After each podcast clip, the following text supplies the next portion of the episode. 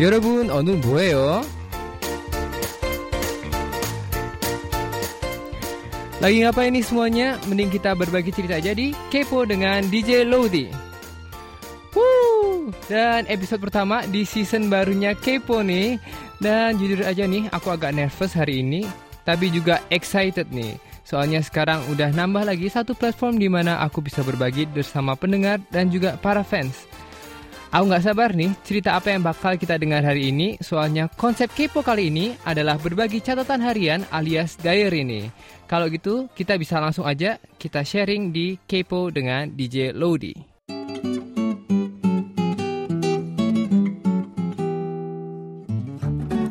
Dan akhirnya Lodi Speak yang pertama nih pendengar. Dan di sini kita mau ngobrolin tentang K-pop di Indonesia dan yang lebih spesifik lagi tentang konser K-pop di Indonesia nih. Karena kalian pasti tahu dong gimana berkembangnya budaya K-pop di Indonesia hari-hari ini termasuk budaya nonton konser K-pop nih. Gimana nih para pendengar juga pada seneng nggak sih nonton konser K-pop yang ada di Indonesia? Dan pasti beda banget ya konser K-pop di Indonesia yang dulu dengan sekarang kalau misalnya konser K-pop yang dulu itu kan susah ya nyarinya, terus nggak banyak juga konser-konser K-pop yang diadain di Indonesia. Tapi kalau misalnya sekarang banyak banget nih para promotor-promotor yang udah mengundang para artis-artis K-pop ke Indonesia nih. Dan juga dari situ pasti kalian para penggemar K-pop di Indonesia seneng banget dong karena bisa melihat K-pop K-pop artis idola-idola kalian dengan lebih dekat ya kan? Langsung di depan mata nggak usah sampai ke Korea gitu kan? Dan tentunya seperti yang kalian tahu di akhir bulan lalu dan juga di awal bulan ini banyak banget nih artis-artis Korea yang ke Indonesia sampai-sampai nggak bisa dihitung nih kayaknya. Dari legendnya K-pop yaitu Dongbang Shinki atau TVXQ sampai para rookies nih seperti Mamamu dan juga The Boys yang menghampiri Indonesia untuk konsernya dan untuk menyapa kalian semua yang ada di Indonesia. Gimana nih? Kalian agak seneng tapi takut karena dompetnya menipis atau gimana gitu kan ya? Gue juga sebenarnya ngelihat itu agak uh, gimana ya? Kayak seneng juga agak sedih juga. Kenapa? Karena Sebenarnya kalau misalnya kalian tahu ya, untuk dalam satu tahun ini aja, aku sebenarnya sebagai orang Indonesia gitu, ke Indonesia baru sempet sekali doang nih. Tapi temen-temen gue yang pada konser gitu kan ya udah ke Indonesia dua tiga kali, terus kayak yang gue uh, tanya gitu kan di messenger kayak yang lu di mana sekarang? Gue lagi konser nih di Indonesia. Mm-hmm. Biasanya kan kalau misalnya kalian gitu ya, misalnya pulang untuk kalian yang mungkin pernah uh, kayak studi di luar negeri kalau misalnya pulang itu kan biasanya tem teman kalian yang nitip gitu kan kalian eh gue mau ini dong dari Indonesia gitu kan ya. Tapi kalau gue kayak kebalik gitu sama temen gue. Gue nitipnya sama orang Korea yang ke Indonesia gitu kan. Dan juga sebenarnya banyak banget nih obrol-obrolan yang gue share gitu kan sama temen-temen gue. Ternyata hari-hari ini adalah pandangan artis Korea tentang pasar Indonesia tuh benar-benar udah berubah banget gitu. Tentunya yang gue tadi bilang di awal ya, udah mulai banyak promotor Indonesia yang mendatangkan K-pop ke Indonesia, tapi juga sebenarnya banyak juga sekarang company-company Korea, artis-artis Korea yang ingin ke Indonesia nih. Kenapa? Karena emang kayaknya ini semua terima kasih banyak nih buat kalian karena cinta kalian yang membara ini sudah membuat Indonesia semakin terkenal di kalangan para artis-artis Korea nih. Jadi mereka pada pingin banget nih buat ke Indonesia buat konser, buat nyapa kalian dan juga tentunya buat liburan katanya gitu kan ya. Dan juga sekarang lagi hot-hotnya di internet. Kenapa? Karena Indonesia kembali terjajah mulai dari tanggal 31 Agustus nih katanya oleh para artis-artis Korea yang tanpa henti dan tanpa ada rasa ingin untuk beristirahat terus aja nih konser di Indonesia. Jadi gue di sini sebagai DJ ingin mengucapkan semangat dan juga berhati-hati untuk uh, menipisnya dompet para pendengar dan juga para penggemar K-pop di Indonesia nih.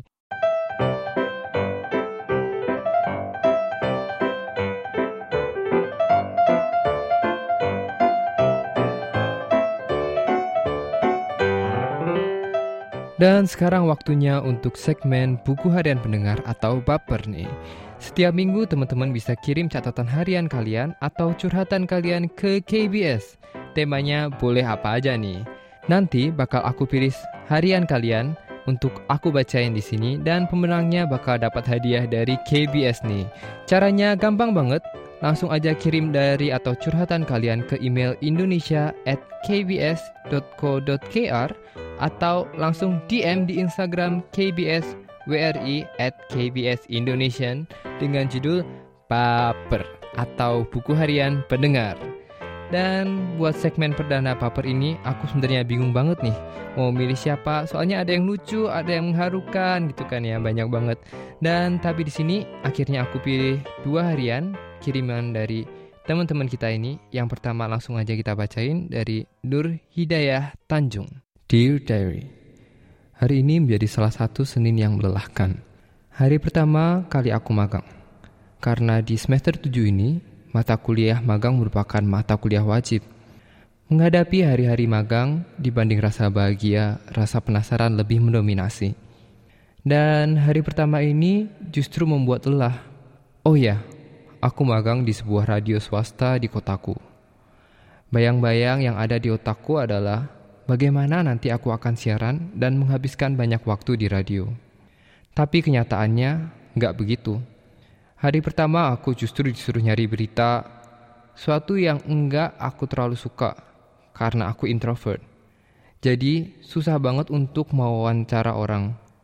Dibanding suruh buat berita, sebenarnya aku lebih senang kalau disuruh menulis artikel berlembar-lembar. Karena itu pikiranku semakin bertambah bebannya. Seharian mikir mau nyari berita apa, dan akhirnya yang tertuang Cuma 100 kata lebih dikit. Buruk banget. Aku merasa kacau dan udah nyoba buat menghubungi pihak radio biar ngasih kegiatan di luar nyari berita. Tapi kayaknya masih belum bisa. Aku jadi merasa dua bulan ke depan agak menyeramkan. Berharap ada keajaiban untukku kemudian. Enggak muluk-muluk, aku ingin melakukan pekerjaan yang membuat aku betah bukannya merasa tertekan. Ya, aku rasa segitu dulu untuk curhatan hari ini. Mari kita lihat bagaimana magang di hari-hari berikutnya. Terima kasih sudah mau mendengarkan dan ada perasaan lega di hati meski cuma sedikit. Bye-bye. Terima kasih banyak nih buat Nur Hidayah Tanjung yang udah berbagi ceritanya di radio kita hari ini. Dan sebenarnya agak gimana ya? agak bersama-sama gitu karena gue juga di sini di radio ya kan tapi sebenarnya yang mungkin pingin gue bilang aja nih buat uh, Nur Hidayah karena sebenarnya gue juga nggak terlalu extrovert banget gitu kan ya gue juga introvert tapi mungkin sebenarnya dari pihak radionya kan mungkin juga ingin melihat kamu lebih berkembang gitu kan dan karena menurut gue sendiri karena wawancara orang lain itu emang susah sih tapi dari situ benar-benar bisa bantu kamu buat lebih berkembang lagi di berbagai aspek nih. Karena saat kamu mewawancara orang itu, kan pasti kalian bakal lebih bisa terbuka lagi dan bisa belajar dari sudut pandang orang yang berbeda, bagaimana mereka berpikir, bagaimana mereka melihat sebuah uh, masalah dari berbagai sudut pandang. Dan dari situ kamu pasti juga bisa belajar lebih banyak lagi dan bisa mendapatkan banyak saat kamu menulis artikel-artikel yang baru-baru nih. Jadi jangan menyerah dan terus semangat buat menjalani hari-harinya di radio nih. Dan diary kedua hari ini sebenarnya lebih kecurhatan kali ya, yaitu dari Nurul Hidayanti. Halo DJ Lodi, selamat datang di Kepo. Ini adalah email pertama yang saya kirim di segmen buku harian pendengar agak bingung juga sebenarnya mau cerita apa karena belum ada tema khusus. Jadi saya putuskan untuk cerita tentang ibu saya. Semoga jika email ini terpilih untuk dibacakan, bisa saya dengarkan dengan ibu saya agar beliau tahu seberapa sayang saya padanya. Pernah nggak sih DJ Lodi atau mungkin pendengar kepo lain yang sering kurang akur dengan ibunya? Mungkin karena ada ba banyak beda pendapat Dulu semasa saya kuliah, bisa dibilang saya kurang dekat dengan ibu saya. Ibu minta A, saya lakuin B. Ibu minta ke kiri, saya minta ke kanan. Kita sering adu argumen yang ujung-ujungnya bikin saya kesal dan membuat saya pergi dari rumah. Tiap kali saya adu argumen dengan ibu, saya akan pergi dari rumah untuk satu dua hari, menginap di hotel, dan pulang kembali ke rumah. Mohon jangan ditiru ya untuk para pendengar kepo. Dan saat itu saya berpikir ibu saya egois karena mau minta saya melakukan apa yang beliau mau. Dan lagi saat itu, kedua orang tua saya sedang dengan hubungan yang tidak baik sehingga mungkin ibu juga kepikiran dengan masalahnya sendiri. Sampai akhirnya kedua orang tua saya berpisah, dan saya ikut ibu. Setelah perpisahan itu, bisa dibilang ekonomi saya dan ibu berubah banyak karena ayah tidak lagi menafkahi ibu. Di saat itulah ada satu kejadian di mana mengubah mindset saya dan memotivasi saya untuk lebih sukses. Ketika kami tidak punya uang dan belum makan, saya melihat abang bakso lewat di depan rumah. Waktu itu saya sedang duduk dengan ibu di teras rumah. Ibu melihat saya memperhatikan abang bakso itu, lalu ibu bertanya, "Kau mau bakso?" Saya langsung bilang, "Iya, karena lapar." Ibu memberikan semangkok bakso, lalu menyuruh saya makan di dalam rumah. Tapi saya nggak masuk saya mengintip dari ruang tamu. DJ Lodi tahu apa yang ibu bilang ke abang bakso saat itu. Ibu minta tolong untuk berhutang dulu. Nanti sore, kalau ibu sudah ambil uang dagang jajan yang beliau bikin, besok langsung dibayar. Untuk semangkok bakso seharga ribu rupiah. Ibu harus berhutang karena kasihan melihat saya yang ingin memakan bakso. Mungkin ibu sudah lupa kejadian itu karena kalian tahu, ibu tidak mungkin mengingat-ingat segala kebaikan yang telah ia lakukan untuk anaknya. Tapi bagi saya, saya akan terus mengingat kejadian itu sampai kapan pun. Ketika saya merasa kesal dengan ibu, atau ibu meminta sedikit uang untuk belanja dan saya ingin berkata tidak, saya ingin diingatkan kembali bahwa ibu pernah berhutang semangkuk bakso ketika saya lapar. Itu sih motivasi saya untuk sukses. Dan saya ingin membahagiakan ibu saya. Sekian dulu baper saya. Maaf jika terlalu panjang dan membuat DJ Lodi kecapean bacanya. Hehehe. Terima kasih untuk membacakan email saya. Sukses terus untuk DJ Lodi dan KBS World Radio Indonesia. Emang ya, biasanya kan kita selalu mikir kalau misalnya kita itu selalu sendiri dan gak ada yang peduli sama kita. Tapi sebenarnya kalau misalnya kalian semuanya ini melihat di sekitar kita, banyak banget orang yang mikirin dan peduli kepada kalian. Dan untuk Nurul Hidayanti, semoga bisa mendengarkan bersama ibunya dan pesan-pesannya untuk ibunya bisa tersampaikan dengan baik. Dan selamat yang udah bisa dibacain darinya hari ini di Kepo. Jangan lupa untuk konfirmasi alamat kamu ke email KBS ya, supaya bisa dapat hadiahnya.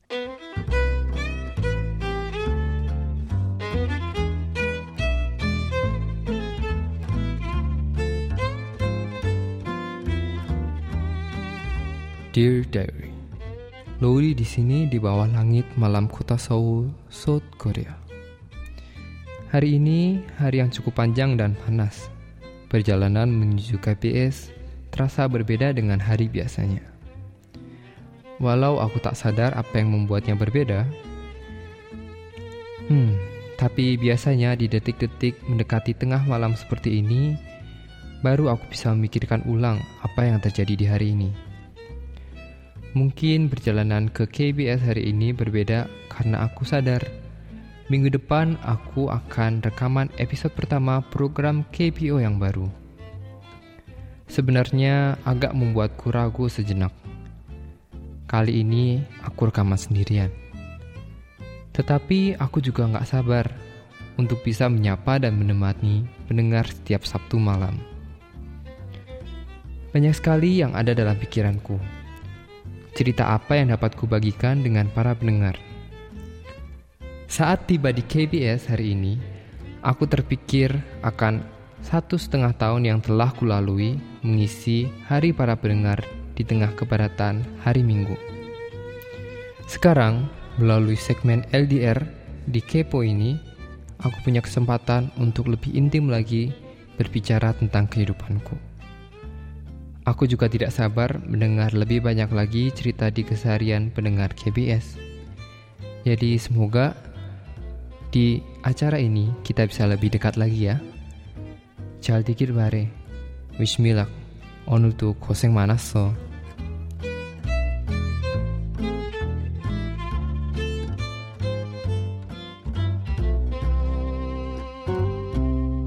Dan dalam LDR atau Lodis Diary hari ini, tiap minggu aku akan bakal share sekilas tentang kehidupan aku sehari-hari nih.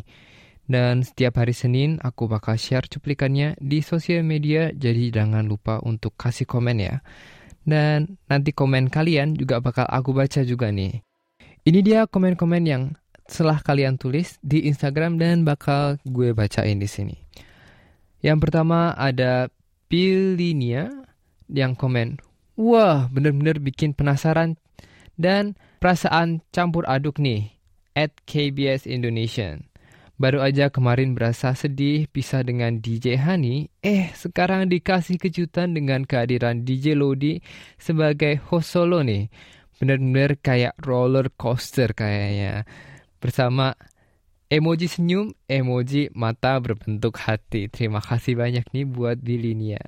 Dan juga ada Lala Lala underscore NS yang komen, Sip, makin mantul katanya. Mantul dong selalu ya. Dan selanjutnya ada at fatu underscore 15 yang katanya, Keseharian aku cuman halu bersama fan girlingan. Eh, nggak deh, banyak tapi sering gitu. Dan juga ada dari DBSCL yang berkata, semangat Mas Lodi. Terima kasih nih untuk semangatnya ya. Juga semangat terus menjalani hari-harinya. Dan kita sampai jumpa lagi di minggu depan bersama komen-komen kalian.